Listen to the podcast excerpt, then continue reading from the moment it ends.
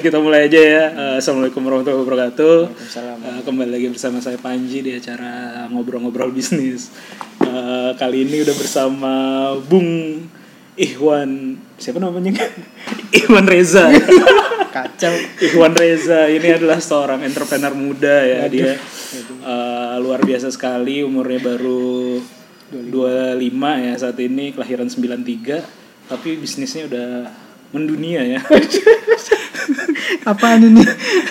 Iya kan kemarin baru di link di Korea itu kan termasuk mendunia kan artinya bukan bukan cuma di Indonesia ya. Tapi Indonesia kan juga dunia, Mas. Iya tapi yang belum ke akhirat nih bisnisnya. Oke, oke. Oke. ya eh, Ikhwan ini ya silakan coba perkenalkan diri duluan. Eh, lu pengen dikenal bagaimana nih? Ya. Oke, teman-teman, nama aku Ikhwan, Bukan Ahwat. bukan Akhwat. nah, saat ini lagi mengerjakan beberapa project, Hmm. beberapa uh, project startup lah Hmm. gitu. Dan Oh, berapa project startup? Eh. Salah satunya yang sekarang lagi ongoing ongoing itu bagi data. bagi data ya. Eh, mungkin sekilas bagi data itu Bagi- kalau sepemahaman gue ya. Jadi ini lo cross check juga. Eh, bagi data adalah sebuah platform eh, di mana orang bisa nge-sharing datanya tapi tahu dan bisa utilize data kita Iya, sendiri gitu ya. Bisa dapat manfaat secara langsung. Gitu ya kurang lebih ya. Ya, kurang lebih seperti itu, tapi itu satu use case. Oh, satu use case. Nah, jadi Ada- sebenarnya ada, use case lain. core-nya bagi data itu, Hmm. core-nya itu adalah permission based profiling. Oke ya. Nah, jadi yang orang-orang bisa ngasih data kemudian mengutilize dan ketika termonetas dia dapat sesuatu, Hmm. itu sebenarnya use case-nya permission based marketing. Oke. Bahwa Jadi dia- gua nggak apa-apa di jadi gua memberi izin agar gue di marketingnya hal Iya. ini karena gue dapat benefit juga. Yes, Oke. ya permission based marketing. Oke. Dan ini diklaim lebih kuat engagementnya dengan brand. Kenapa? Karena misalnya gue udah kenal sama lu nih, gue tawarin sesuatu pasti beda dengan tiba-tiba datang sales, Hmm. eh lu beli dong ini, beda rasanya. Jadi Da- menurut gue sebenarnya beda eh, kalau kita pakai Facebook atau pakai sosial media lain Hmm. sebenarnya juga seperti itu sih cuma perbedaannya adalah kita nggak tahu kita kita tidak memberi izin Hmm. Iya. eh, data kita digunakan untuk alat marketing kan Iya. itu aja sih sebenarnya mungkin bedanya Nah, uh, engagementnya juga beda. Hmm. Kalau di Facebook dan uh, Twitter dan sebagainya, uh, Instagram dan sebagainya, Hmm. iklan-iklan itu Google. Nah itu hanya muncul saja. Ya udah, saya lagi browsing muncul Hmm. gitu. Nah, sedangkan ini sangat personal. Ini bisa engage-nya channel marketingnya itu SMS, chat WhatsApp, oh email. Jadi personal iya, iya, iya. dikirimi ke alamatnya lu gitu. oh jadi bukan terpapar Bukan ya terpapar. oke oke benar-benar oke. menghubungi gitu. Menghubungi, menghubungi, ya. Nah, yang kedua ada uh, saat ini use case applicant profiling. Nah, Hmm. ini kalau ada corporate yang mau menilai uh, pelamar kerja ke mereka Hmm. dari sisi social media activity dan sebagainya, itu pelamar-pelamar itu akan memberikan akses ke bagi data, Hmm. membolehkan bagi data meng, uh, meng-crawl data mereka uh, dalam artian ini uh, corporate-nya mau uh, kerjasama dengan bagi data untuk memprofile orang-orangnya gitu. Oke. Dan untuk keperluan uh, profiling aja, profiling untuk kepe- keperluan rekrutmen aja. Eh, izinnya ada di corporate-nya atau ada di personalnya di nanti? personal. Di personalnya kita tetap ya. akan berikan ke personal, dia akan klik connect to Facebook, connect to Instagram Ah. dan sebagainya. Login sebagai bukti autentifikasi kan bahwa dia benar-benar memiliki Ah. Instagram itu. Kayaknya mau dipanggil. Gak apa. Oh, gimana? Gak apa-apa, gak apa-apa. Tinggal dikat. Aduh. Aduh. Aduh, sakit sakit tuh. Ah, lu bawa rang paper gak, Cuk? Gue gak. Ada ada di tas. Di tas. Ya udah. Mau ini nampilin. Iya. Ada di tas. Tinggal apa? sakit. Aduh ngilu ya. ngilu nyampe sini. Gitu. Hati ya. ya, eh, apa tadi? Oh ya sampai Oh, ya, untuk untuk eh, crawling data si pelamar ya. Iya. Kalau untuk internal si company-nya sendiri juga dilakukan nggak? Misalnya untuk evaluasi Nah itu itu beda use case lagi tapi itu bisa aja. Bisa aja. Sebenarnya core-nya adalah permission based profiling. Hmm. Eh, mau dipakai buat apa aja bakal bisa banget. Jadi Hmm. bu- buat ngecek karyawan yang ngomongin apa gitu ya bisa ngomongin karya apa karyawan yang tidak puas dengan pekerjaannya nge-tweet dan nyari pekerjaan bis- lain bisa jadi. Jadi terdeteksi duluan ya. Tambah gajinya. Nggak, nggak bagus ya. positifnya bisa gitu cuman kalau negatifnya langsung di-cut Langsung aja. dikat. Ini tergantung bosnya nih. Oke, berarti intinya tadi ya permission based profiling, ya, Profiling, permission based uh, marketing atau permission based profiling gitu ya. Dan bisa ke mana-mana bisa nantinya ya. ke mana-mana. Intinya big datanya sih. Uh, mungkin awalnya gini dulu Dewan, apa namanya? Uh, lo kan setahu gua kita kenal kenalan di 2017 ya di acara Australia Award. Uh, sama-sama peserta untuk uh, training di Australia lah ya gampangnya kayak gitu ya. ntar efeknya wih biasa aja sih. Biasa aja. Eh, untuk training tentang startup. Nah waktu itu kenal Ivan di situ dia waktu itu ngebawa tentang eh, kepo syariah ya. Dan waktu itu sempat cerita banyak kayak bahwa dia dari Aceh eh, dan makanya membawa tentang syariah karena Aceh kan perda syariah. Gitu gak sih? Iya salah satunya. Gaya pitching jadul.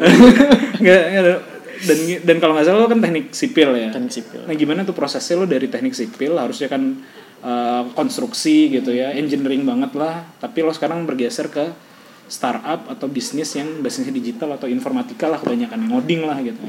jadi eh, semoga teman-temanku di sipil nggak nonton ya jadi, jadi Karena dosa nih jangan-jangan nih gue feeling-feelingnya deh. jadi sebenarnya dari SMA itu dari SMP malah udah suka banget komputer Hmm. jadi waktu ikut-ikut lomba pun pasti komputer, Lomba komputer. informatika olimpiade olimpiade informatika Hmm. gitu nah bahkan waktu itu cerita dikit bukan mau sombong Nah, tapi sombong nggak apa-apa. tapi Kalau karena bener kan, bukti sukanya itu eh, sampai juara tiga olimpiade komputer uh, tingkat OSN provinsi sih gitu. provinsi itu SMA. SMA tapi karena aku akselerasi cuma bisa ikut sekali jadi Oh, oh ini juga menyombong juga tuh Iya, akselerasi. diselipin gitu Ada istilahnya sekarang tuh humble brag. Humble brag ya. merendah untuk meninggi gitu. nah Oke oke terus terus. nah karena suka banget nah jadi ada suatu dan lain hal lah Hmm. aku waktu itu juga eh, dapat beasiswa Telkom University Presiden Hmm. University tentang informatika tapi karena suatu hal nggak bisa ngambil Itu di Jakarta ya. Di- Tel- di Telkom di Bandung, presiden, Presiden di, Jakarta. apa Cikarang. di Cikarang ya. Nggak bisa Nggak ngambil bisa ngambil. Eh, nggak usah diceritain part itunya nggak usah diceritain Hmm. nah Masalah keluarga biasanya. nah akhirnya eh udah sampai mana tadi iya, akhirnya aku Ah, dapat tawaran kuliah nah, akhirnya dapat undangan di Unsia Unsiah ya. nah, waktu itu milih kan Unsiah tuh negeri tapi. negeri Universitas Syakola di Banda Aceh itu milih eh, nyari informatika di Unsia tapi Hmm. belum ada waktu itu Oh, belum ada jurusan informatika. Nah, belum ada dan adanya itu di elektro Hmm. nah karena ada dua pilihan kan ada dua kolom itu Hmm. isian satu pilihan pertama Elektro, pilihan kedua hmm. nah mau elektro atau satu lagi apa nih aku cari lagi tanya-tanya kan Hmm. ke pamanku atau siapa yang ada komputer-komputernya deh Hmm. Nah, katanya sipil ada Oh, Udah, karena sipil grade-nya lebih tinggi ya udah nomor satu sipil nomor dua. elektro. Elektro. Oh, sipil lebih tinggi kalau di Unsiah ya. Hmm. Oh, oke, oke. nah akhirnya lulus yang pertama Orang-orang mah seneng lulus yang pertama ya. Lu berarti menyesal sebenarnya. waktu itu senang gitu Oh, waktu kan itu senang. karena ah, ada komputernya juga kan tapi bener Komputernya ngitung. Excel Excel. Gitu oke gitu nah akhirnya ya walaupun ya alhamdulillah berjalan lancar lah kuliahnya Ah, tetap nggak nggak tahun. lima, Lima tahun, oke. Sambil Karena dia aktivis, ya, kalau nggak salah. ya organisasi eh, apa namanya eh, jadi sambil kuliah tetap belajar yang ini tetap Tetap tidak terlupakan lah Tetap passion terlupakan. di komputer atau di IT gitu ya. bahkan waktu itu juga nyari-nyari pemasukan sampingan gitu Hmm. gimana caranya dapat ah, duit di internet gitu Hmm. Ah, dengan cara-cara yang benar lah ya bukan em- bukan em- em- Judi, gitu. judi. bukan judi Oh, bukan bukan judi. tapi benar-benar Karena kalau di Aceh judi nanti langsung dicambuk ya. di tempat jadi enggak enggak enggak enggak separah itu ya Eh, tapi di Aceh tuh gue jadi pengen bahas perda syariah. Mungkin next episode next ya. episode ya kita episode. bahas yang Iya. syariah syariah. Oke. Eh, by the way juga tahu sedikit-sedikit lah tentang politik yang kayak gitu tentang kebijakan pemerintahan Iya. ntar bisa lah di oh ya ya ya. apalagi tentang Aceh pengen banget sebenarnya ngasih tahu ke publik bahwa Aceh Aceh itu sebenarnya kayak gimana Tapi lu sebenarnya oh, berarti Aceh asli lu putra Aceh. Iya. Oh. Terus ini apa sebenarnya? berminat ngubah topik ini Enggak, ini aja untuk membangun background aja. Maksudnya eh iya gue memahami sih Aceh kan eh, secara kultural dulu kan sebenarnya eh dan secara formal ya sebenarnya di bawah khalifahan Turki Iya. kan Ottoman kan sebenarnya makanya ketika ya Indonesia merdeka sebenarnya nggak terlalu ada konflik dan kenapa dia waktu itu daerah istimewa kalau setahu pengetahuan gue nih ya karena kan memang uh, ya Islam Islam juga lah Indonesia Islam Ottoman juga Islam Uh, jadi nggak apa-apa lah jadi bagian wilayah dari Indonesia makanya dia dinamain jadi daerah istimewa begitu bukan sih Sebenarnya tidak sepenuhnya seperti itu. tidak sebenarnya seperti itu Tapi ada part-part yang seperti itu. seperti itu oke oke dan maksudnya gua- maksud gue secara kedekatan dengan Islamnya Eh, lebih- emosionalnya ada. emosionalnya ada gitu kan dan makanya eh, cukup ini ya cukup Concern di situ. concern di situ lah ya dan kan kontribusinya juga ke kemerdekaan Indonesia cukup besar kan Iya. membeli pesawat pertama lah apa segala macam kan keren banget lah orang Aceh tapi biasanya orang Aceh tuh ini enggak jadi menyimpang biasanya kalau cewek-cewek Aceh tuh kan kayak agak-agak Arab-Arab gitu ya Eh, apanya nih? Face-nya, face-nya. Oh, fisiknya ya. Ah, fisik. fisik. Iya beda-beda sih. Maksudnya ntar datang aja gitu. Tapi Udah pernah sih. Udah pernah ya. Minat nambah nih. Tapi emang banyak pilihan sih. Banyak. banyak Enggak, tapi maksud gue lo kok nggak terlalu kayak Arab Karena kenapa ya? Karena Udah beda beda akulturasi. etnis, iya, beda ini ada yang mirip India, ada yang mirip, mirip Arab, mirip Persia, Hmm. Ada iya, mirip Gujarat, Cina Gujarat. juga ada. Oh, di iya, berbagai etnis Ya, ada yang mirip Eropa bermata biru Oh, iya? juga ada jadi ya, Campuran. metropolitan lah dulu. Khusus. negara, negara yang op- metropolis lah. Sebenarnya ya zaman itu ya. Oke balik lagi. Nah kan eh, di Aceh. Dan eh, mungkin ya ketika lo tadi lagi kuliah udah mulai proyek-proyekan juga. Dan kalau nggak salah waktu yang pas ngikut Australia waktu itu lo juga kan mengajukannya eh, Kepo Syariah ya atas nama institusi institusi ataupun startup Kepo Syariah. Iya. berarti itu itu yang lo bangun dari SMA eh, atau dari kuliah dari tadi itu? ya? kuliah. Jadi waktu itu eh, sebenarnya setelah kuliah sih waktu Hmm. kuliah itu kan masih di BEM di BEM Usia itu. Manusia. ketua BEM ya? Enggak menteri polhukam politik politik hukum dan keamanan. Jadi waktu itu masih tahun politik juga pilkada kan? 2000 lumayan 2014 lu demo-demo gitu berarti? Ya gitu gitulah sering lah di koran. Di koran lagi ya? gini-gini gitu. Oh, ya. tapi itu hanya untuk kesenangan tapi baru sadar gitu. Sekarang baru sadar ternyata ada yang lebih besar dari hanya bem gitu. Dulu kan berpikirnya bem itu ini yang akan mengubah bangsa gitu. nggak apa-apa. Maksudnya teman-teman yang masih mahasiswa emang harusnya begitu. Bagian ini diikat dulu ya.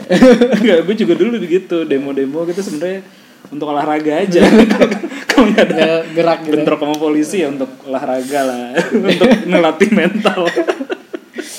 Nah jadi waktu sambil kuliah itu baca buku android gitu. Aku, oh ya aku kalau buku teknik sipil itu justru malah enggak kopi kopi aja. Nah, Malah nggak fotokopi. Fotokopi. Nah, patut dicontoh nih bahkan bisa dihitung lah sampai tamat apa atau buku catatan aku dari awal kuliah sampai akhir itu masih intinya lo kuliah hanya untuk eh, ya menyelesai aja lah gitu ya. Selesai tapi Passionnya juga di situ gitu tapi ya? juga aku juga ngerti tentang teknik sipil bagian transport aku juga suka. Hmm. bahkan sempat ngeplay LPDP juga ke Jerman Hmm. sebelum di sini ya. Hmm. Dan itu kaitannya sama teknik sipil teknik sipil. lo apply itu. Uh, intelligent transport system sipil dan informatika. Informatika ya. Nah waktu itu ya bacanya buku Android skripsinya pengennya bikin aplikasi menghitung ketebalan aspal. Hmm. jadi dengan lalu lintas berapa pemerintah tinggal masukin aja dia eh, rencana trafficnya atau untuk berapa tahun. Hmm. nanti langsung keluar perencanaannya berapa. Jadi nggak perlu konsultan. bikin modeling lah tadinya Iya. rencananya gitu gitu Itu jadi? enggak enggak oh nggak jadi itu karena kat, eh, ini off Terlalu- record nah. ya bakal lama kam- ya untuk nah, kayak enak ada untuk mengejar hal yang lain Biar lebih cepat lulusnya. Oh. untuk tidak Tidak ke arah situ. Nah, nah berarti setelah itu lo bikin koto syariah nah terus kan sekarang eh, jalanin bagi data nih karena transformasinya gimana nih ketika dari lo bagi dari ke kepo syariah yang tadinya islami gitu ya maksudnya eh, concernnya di masalah syiar Islam agar orang berislam dengan lebih baik kan ada ustadz ada tanya jawab Islam ada ada apa ya macam-macam lah tentang Islam ya pengetahuan tentang Islam tapi sekarang beralih ke startup bagi data gitu Eh, jadi dikatakan bertransformasi juga kayaknya perlu di ini ya Hmm. di reformasi Revisi ya. kata Hmm. revisi kata-katanya bahwa sebenarnya hanya menambah gitu Kak. karena kepo syariah tetap jalan kepo syariah tetap jalan tetap jalan malah setelah uh, bertekad keluar dari Aceh lah istilahnya untuk uh, hidup di Jakarta merantau di Hmm. Oh, iya. sini ini baru tahun kedua. tahun kedua. Tahun kedua di Jakarta Iya. berarti ya. Oke. Jadi malah dapat teman-teman baru yang bisa bantu Kepo memperkuat Syariah. Kepo Syariah ini Hmm, gitu. Hanya saja Kepo Syariah ini kan eh, niatnya beda di awalnya, niatnya Hmm. sosial, Sosial project Nah, atau inilah jariah, lah. lah gitu. Nah, Sedangkan dunia butuh. iya, ternyata sekarang ada duitnya gitu kan. Nah, terus terus Nah, akhirnya eh, ikut lomba Hmm. Kepo Syariah ini ikut lomba eh, yang diadakan oleh salah satu BUMN, sebut saja inisialnya Telkom gitu. Kepo Syariah ikut lomba eh, yang diselenggarakan oleh Telkom. Ah. Oke. Apa tuh nama lombanya? Socio Digi Leaders. Sosio Digi Leader SDL. SDL tahun 2017 dan masuk final di Bali. Hmm. Eh, waktu itu ditawarkan bergabung ke Telkom untuk Hmm. untuk mengerjakan startup. Hmm. Ya, style kerja style startup dan difunding oleh Telkom. Oke. Semua kebutuhannya ditanggung oleh Telkom. Telkom, gitu. Itulah bagi data, lahirnya bagi data. Jadi Oh jadi sini, ketika S, apa ngikut program SDL masuk finalis di bootcamp tawarkan, di Bali ah, bootcamp di Bali, ditawarkan untuk bergabung dengan Telkom dan difunding. difunding. Tapi yang difunding ini eh, bukan ide KP Syariah. Bukan kepo syariahnya. Hmm, Tapi gitu. kita setelah masuk, setelah eh, di sini Hmm. Itu benchmarking dengan bisnis-bisnis yang terkait yang ada di Telkom. yang ada di Telkom, yang nggak ada di Telkom juga Hmm. sampai ke luar negeri telco-telco di luar lagi Hmm. ngapain sih gitu. Hmm. Terus big da- eh, lagi hype-nya big data kan, big data blockchain kita benchmarking, riset. Hmm. Nah, akhirnya ada beberapa ide Hmm. yang bakal direalisasi. Nah, salah satunya bagi data. Hmm. Nah, dan itu disupport sama Telkom. Oh, enak ya berarti ya. Maksudnya maksud gue berarti ini adalah salah satu mungkin eh, sedikit yang tahu ya di luar sana Hmm. kalau bahwa ada program Telkom yang mendanai startup tapi eh, memang idenya dari awal banget ya berarti ya, Dari dari awal, nol banget iya. sama sekali ya. Dari customer validation, Iya dari mulai banget startingnya bahkan mungkin problem solution fitnya di awal Iya, juga dari dari dari awal banget ya problem. eh, karena pun men- mentor mentor itu disediakan walaupun tidak mendrive, Hmm. tapi disediakan eh, untuk men-challenge pemikiran kita. Hmm. Ketika kita punya ide bener gak sih ini butuh? Hmm. Mereka kan udah punya pengalaman nih. Oke.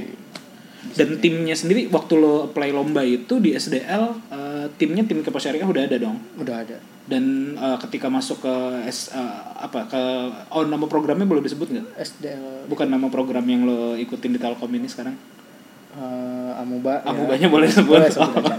ya jadi eh, setelah pasca SDL itu di apa bergabung nama programnya Amuba gitu ya nanti mungkin bisa di searching. Gue pernah buka sih websitenya. Iya.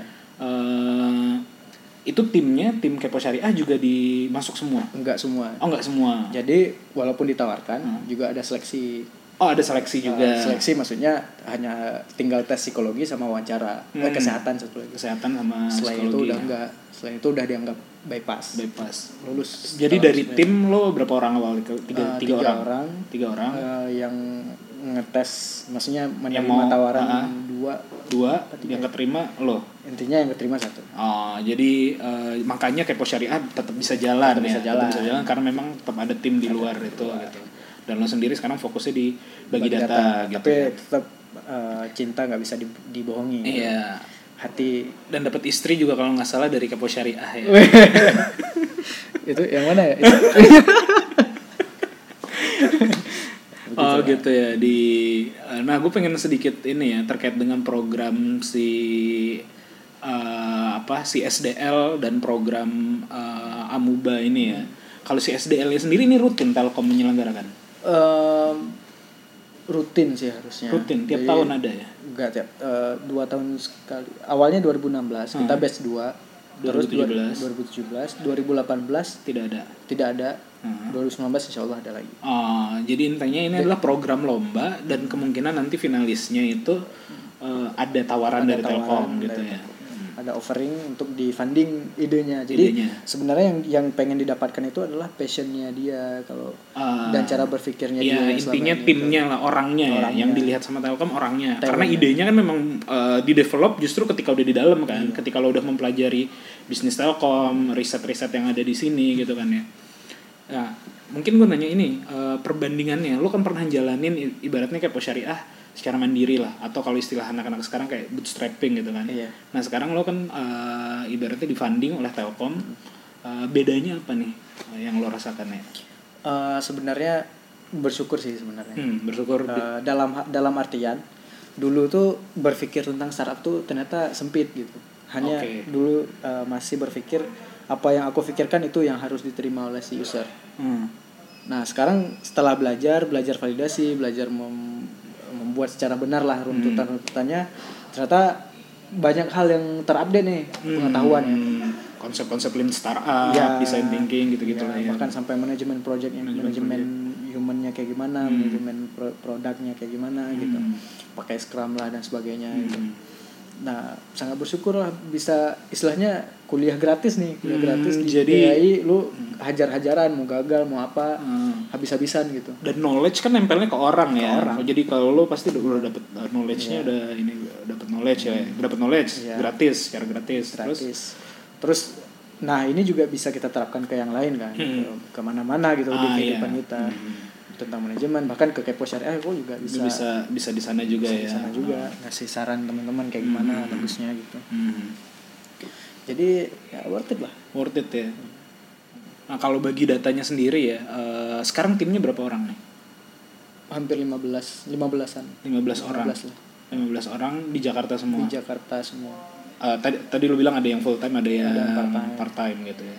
Dan mungkin enaknya juga ketika lo baru apa eh, di Telkom ini ketika lo hire orang juga itu dibiayai oleh Telkom ya. BO Telkom. Dibiayai oleh Telkom ya.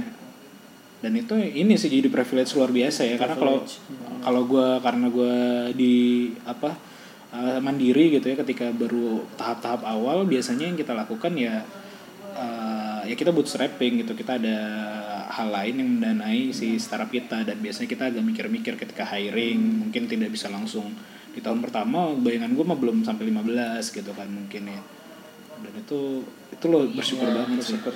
Sama ini sih dukungan eh, Telkom grupnya sih. Networknya ya? Network termasuk teknologi gitu. Misalnya nih kami kan bermain di big data. Hmm. Sedangkan eh, basic-basic kami anak-anak muda yang baru direkrut ini nggak nggak tak nggak paham big data gitu. Hmm.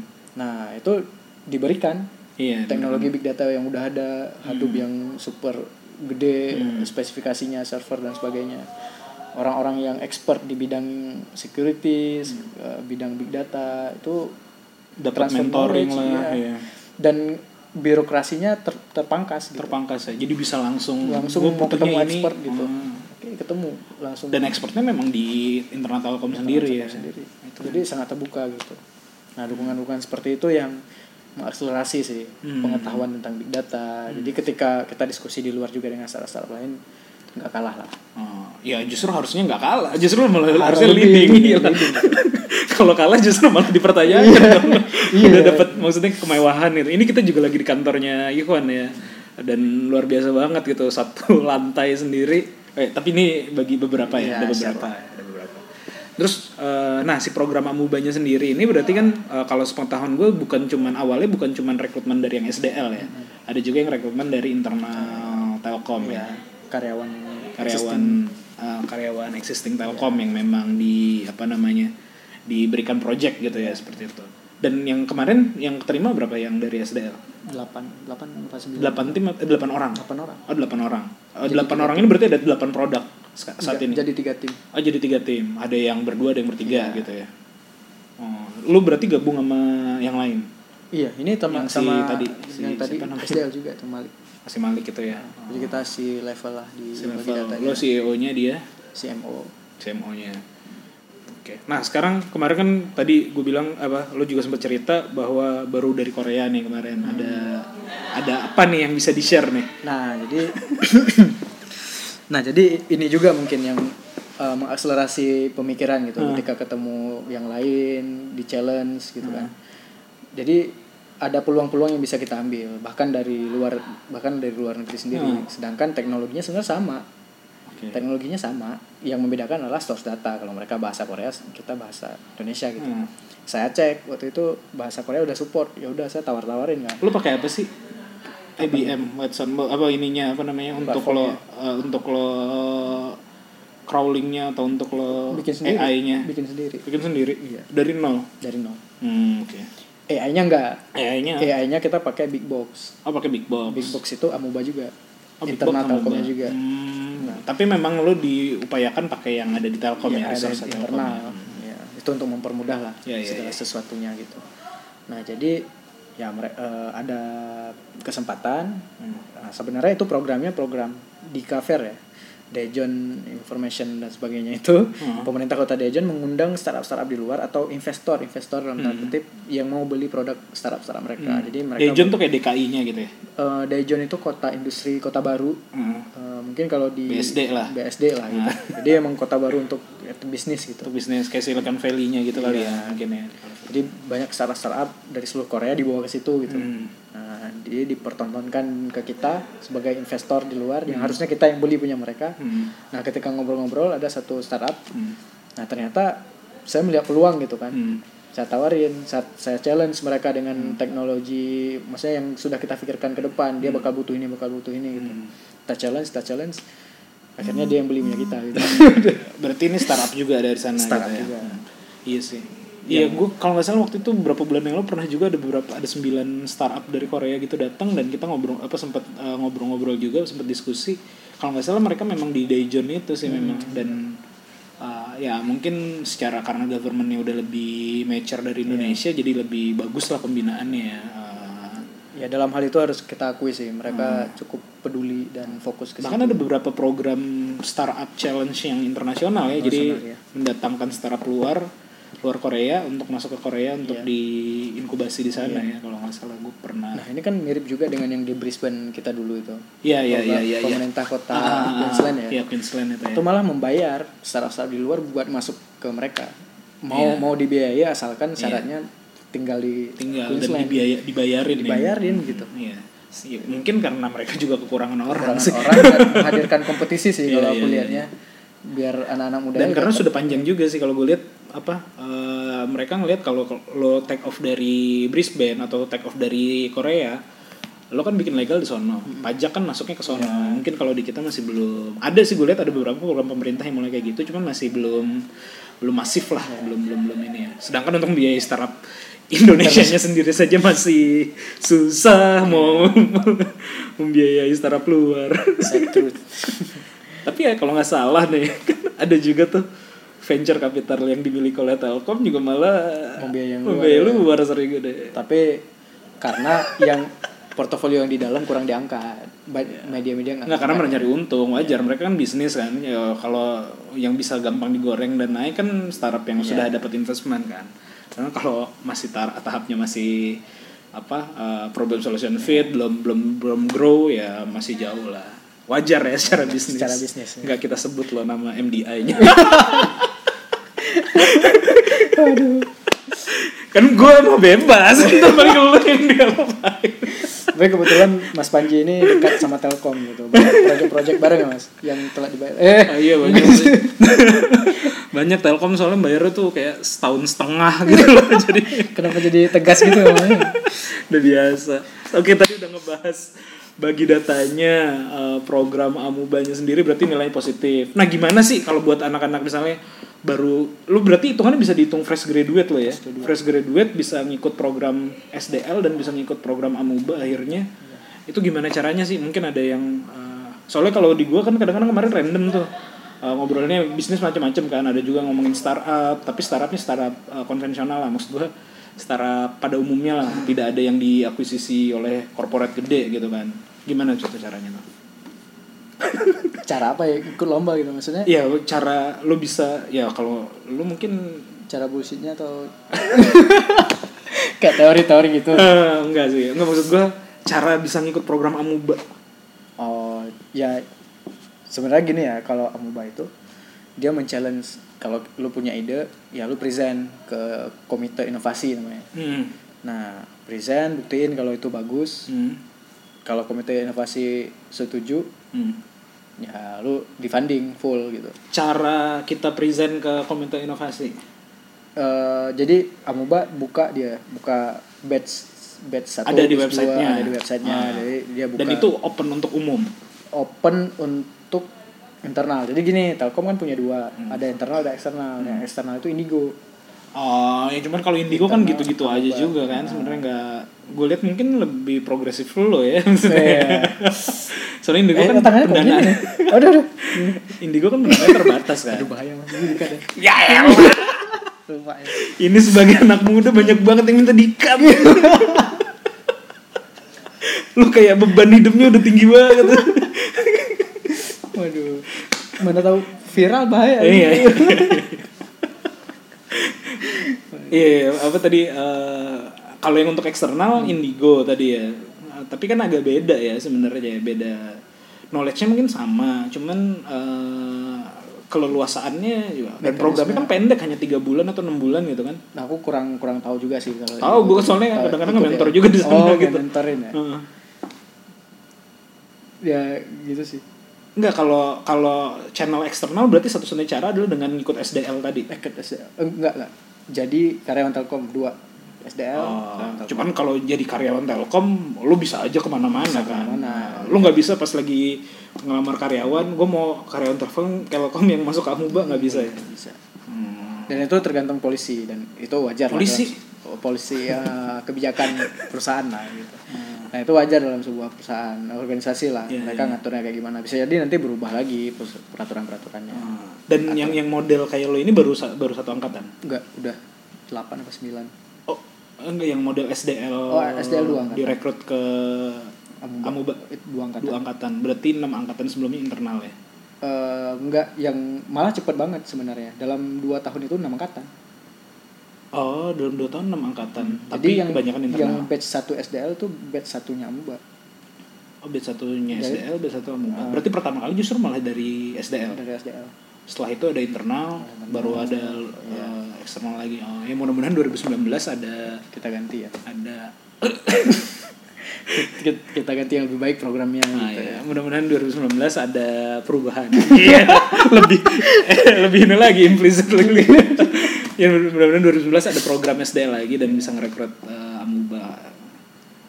Kalau Mas Panji Kalau kekurangannya apa? eh, eh, Kekurangannya menurut lo? kekurangannya Boleh nggak? Nggak boleh juga.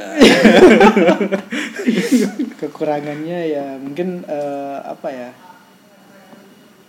sejauh ini sih memang be- bergantung ke kita sih kalau emang kita mau ngejar Hmm. dan ini kan diinkubasi ya Hmm. Kadang-kadang kurang sabaran gitu. Maksudnya dan wajar itu kan ada KPI dan sebagainya. Nah membangun sebuah aplikasi biasa dengan big data platform kan bakal beda. Nggak mungkin diukur dengan CV tiga eh, sebulan kemudian product validation tiga bulan. Nah, itu kan mungkin di situnya sih. Hmm. yang eh, mungkin dan pasti bakal iterasi ke depan bakal kayak Iya, gimana. iya, iya, iya. tapi bagusnya eh, itu di- diberi kesempatan misalnya nggak PV-nya nggak nggak kecapai dalam tiga bulan karena asal sesuai Hmm. maksudnya dia bisa punya alasan kenapa Hmm. itu bisa diperpanjang Hmm. ada extendnya gitu Oke. Pada dasarnya kalau si korporatnya ngerti em, metodenya, ya itu bisa bisa berjalan. Iya. Tapi Soalnya ada juga ini- enggak selain Telkom, sepengetahuan ada satu BUMN lain juga yang melakukan mirip. Cuman gua nggak mesti bilang karena gua juga ngebantuin di situ. inisialnya apa? nggak usah pakai inisial. Apa eh, dia bikin kayak gitu cuman masalahnya eh, behavior si corporate-nya belum tercipta kayak gitu. Akhirnya ya eh, sistemnya masih yang model ibaratnya kalau bikin aplikasi modelnya maunya waterfall gitu kan. Maunya gue requirement gue kayak gini endingnya kayak gini nggak tercapai. Padahal kalau startup kan sebenarnya nggak bisa nggak bisa saklek gitu ya. Jadi tergantung iterasi tadi ya. Nah hal-hal kayak gini juga aku baru nyambung gitu nyambung setelah masuk program ini sebelumnya. Hmm. pemikiranku masih tradisional gitu Hmm. bangun produk ingin berkarya semangat menggebu-gebu tapi ilmunya belum cukup. Yes. aku menganggap ini kuliah. Terima kasih Telkom. Kasih. Tambahin. Ya, kedengeran nih kecil ya. Kedengeran nanti kan bisa gue gue kencengin desibel. Dipakai subtitle itu biar jelas oke kayak gitu ya. Eh, apa lagi ya? Ada lagi yang mau lo sampaikan lah kira-kira? Nah itu eh, ya, intinya sih di kesempatan ap- apa pun pasti ada sesuatu yang bisa kita pelajari gitu. Hmm. setiap episode kehidupan kata Oh, Agim nggak kan usah gitu. usah puitis lah. kata Agim tuh kayak gitu. Apa bahwa ad- di setiap episode kehidupan tuh pasti udah ditakdirkan dan itu yang terbaik buat kita. Yang penting maksimal aja berarti lo bersyukur ya masuk sini eh ya Habis yang ngomong kayak gitu ya. langsung nggak usah bersyukur. Apa ya? Ya, banyak banget yang aku pelajari Digajinya berapa sih di sini? rahasia lah Range-nya, range-nya aja range-nya. ya 1 sampai 100 juta dihitung sendiri Tolong orang pajak nanti dilihat laporan. waduh Bulan Maret kan mau laporan. nggak apa-apa kita pajak udah diurusin Iya, iya, iya, iya. Tap- Tapi berarti lu statusnya eh, ini eh, terserah mau lo jawab apa enggak ya. Eh, jadi karyawan tetap. Nantinya nggak boleh cabut atau boleh cabut? Boleh cabut. Boleh cabut. boleh cabut Ketika habis program. Tapi tidak di state di awal. Program ini tiga tahun, dua tahun. enggak. Hmm. kayak kayak Sekarang kalau lo mau cabut bisa. Bisa aja Oh. Udah dibayarin. Bersyukur tapi mau cabut. bisa aja tapi mas kayaknya masih banyak yang belum aku gali Ya, ya, ya. gali lagi gali lagi Oke mungkin terakhir Wan Eh, harapan lo gimana nih eh, ke depannya buat bagi data terus juga eh, apa ya eh, buat anak-anak yang ngerasa salah jurusan mungkin ya Eh, gimana tuh menurut? Nah, pertama untuk bagi data pasti aku pengen jadi uh, multinational companies, bahkan bisa jadi anak perusahaannya Telkom gitu. Hmm. Secara legally ya. Hmm. Karena kenapa?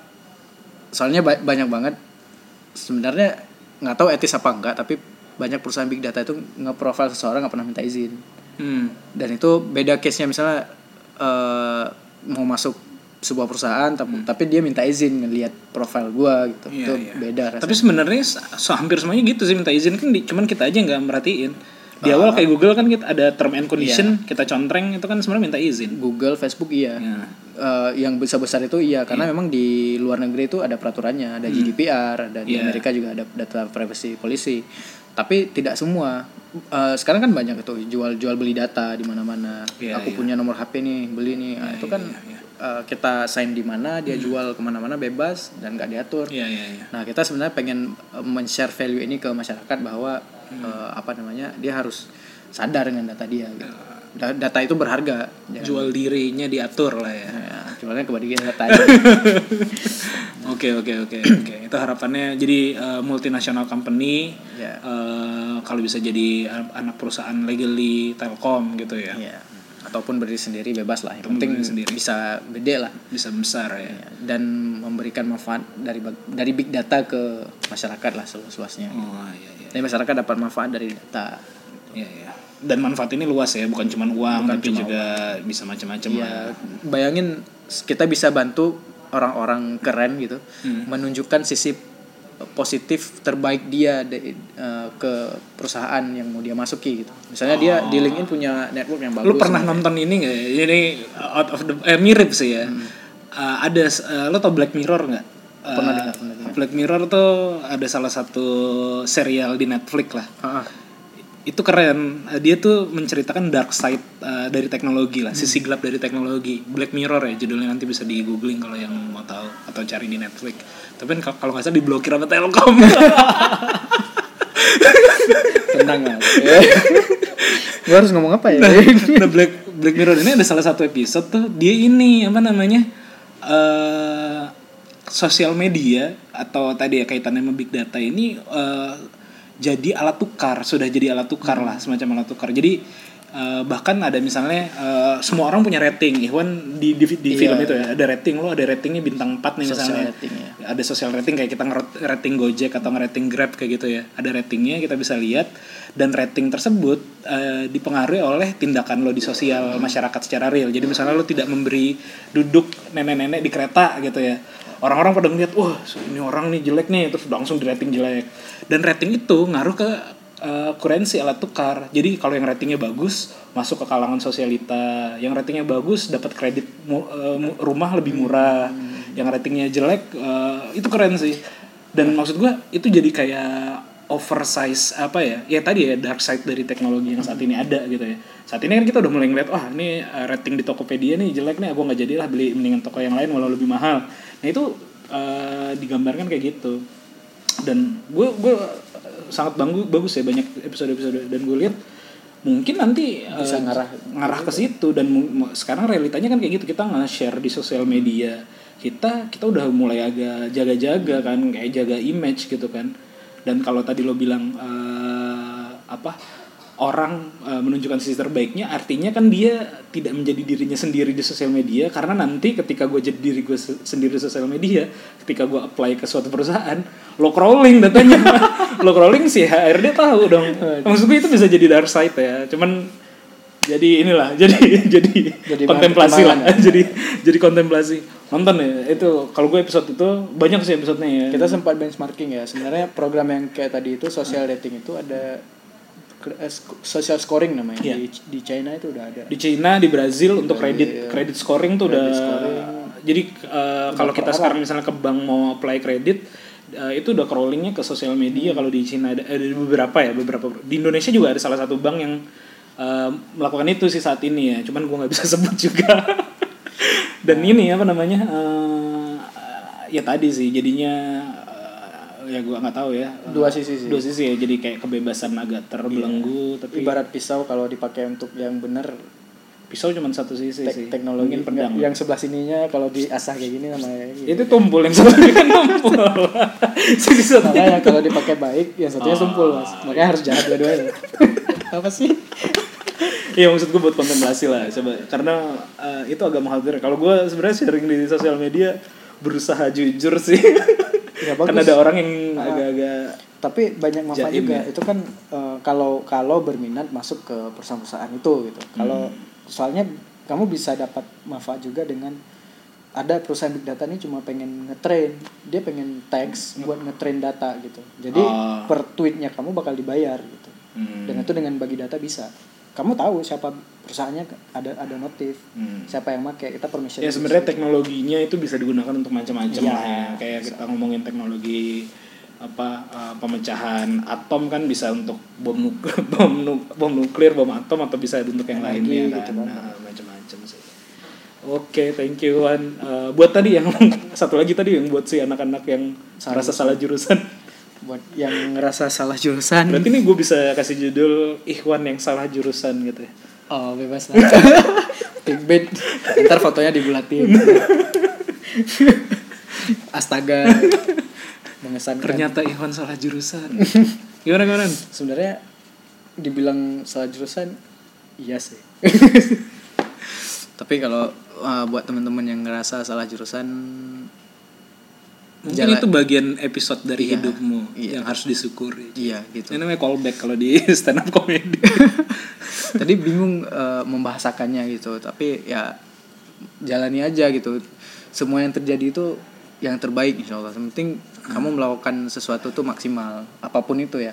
Jangan sampai ada penyesalan. Maksudnya gini, ketika dapat kesempatan go uh, keluar gitu dari dari zona nyaman, lakukan yang terbaik. Nggak dapat itu biasa. Kita udah ah aku udah melakukan yang terbaik tapi kalau kita nggak dapet terus aduh dikit lagi kalau aku kayak gini nah itu penyesalannya bisa seumur hidup gitu Hmm. nah jadi Jadi kayaknya ada ikhwan teguh bukan. Oke oke terus. nah jadi ya gitulah kira-kira Itu kaitannya sama wanita atau apa sebenarnya gue tadi gue tadi pengen komen kayak gitu. Enggak ya, sekarang Ivan udah married alhamdulillah. Semoga langgeng Amin. istrinya. Eh di mana? Oh lo LDR ya? Ud- lagi di sini pak udah udah, mau selesai Oh, berarti harus cepet-cepet pulang nih. iya bentar lagi Oke gitu aja eh, kali ini terima kasih buat yang udah nonton. Assalamualaikum warahmatullahi wabarakatuh. Waalaikumsalam. Wan, wan.